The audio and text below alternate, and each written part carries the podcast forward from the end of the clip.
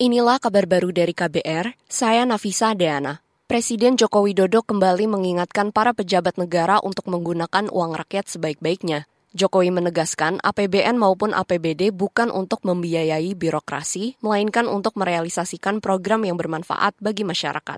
Presiden Joko Widodo menyoroti anggaran di pusat dan daerah lebih banyak dikeluarkan untuk keperluan birokrasi. Itu disampaikan Jokowi saat menerima laporan hasil pemeriksaan BPK terhadap laporan keuangan pemerintah pusat 2022 di Istana Negara siang tadi. Setiap rupiah uang rakyat betul-betul harus kembali ke rakyat untuk membiayai yang dirasakan rakyat dan bukanlah untuk membiayai proses.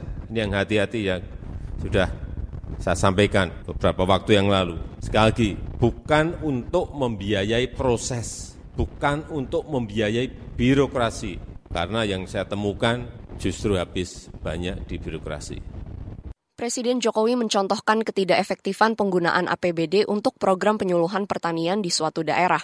Ia menyebut dari total anggaran 1,5 miliar rupiah, sekitar 1 miliar di antaranya untuk perjalanan dinas. Padahal anggaran itu diperuntukkan bagi peningkatan SDM pertanian. Jokowi meminta agar kementerian lembaga dan pemerintah daerah menggunakan anggaran secara efektif, efisien, dan akuntabel, sementara pengawasannya harus dilakukan ketat dan dievaluasi berkala. Kita ke informasi hukum. Kepolisian mengungkap data teranyar jumlah korban tindak pidana penjualan orang atau TPPO yang diselamatkan sejak 5 Juni hingga 25 Juni 2023. Juru bicara Mabes Polri Ahmad Ramadan mengatakan laporan terkait kasus TPPO yang masuk ke pihak kepolisian di seluruh daerah mencapai 536 laporan. Kemudian jumlah korban TPPO sebanyak 1.789 orang yang telah diselamatkan.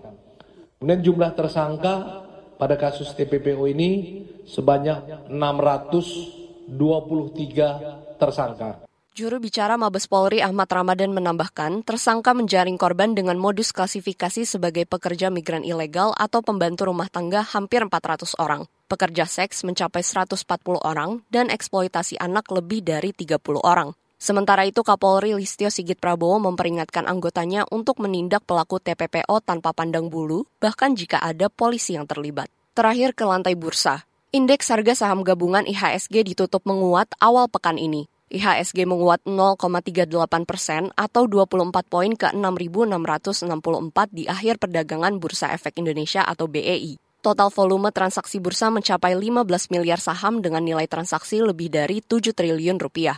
Hampir 300 saham turun harga, 230-an saham menguat, dan 200-an saham stagnan. Sementara itu nasib rupiah berbanding terbalik dengan IHSG. Nilai tukar rupiah ditutup di level 15.022 rupiah per dolar Amerika. Mata uang Garuda melemah 23 poin atau minus 0,15 persen dari perdagangan sebelumnya. Demikian kabar baru dari KBR, saya Nafisa Deana.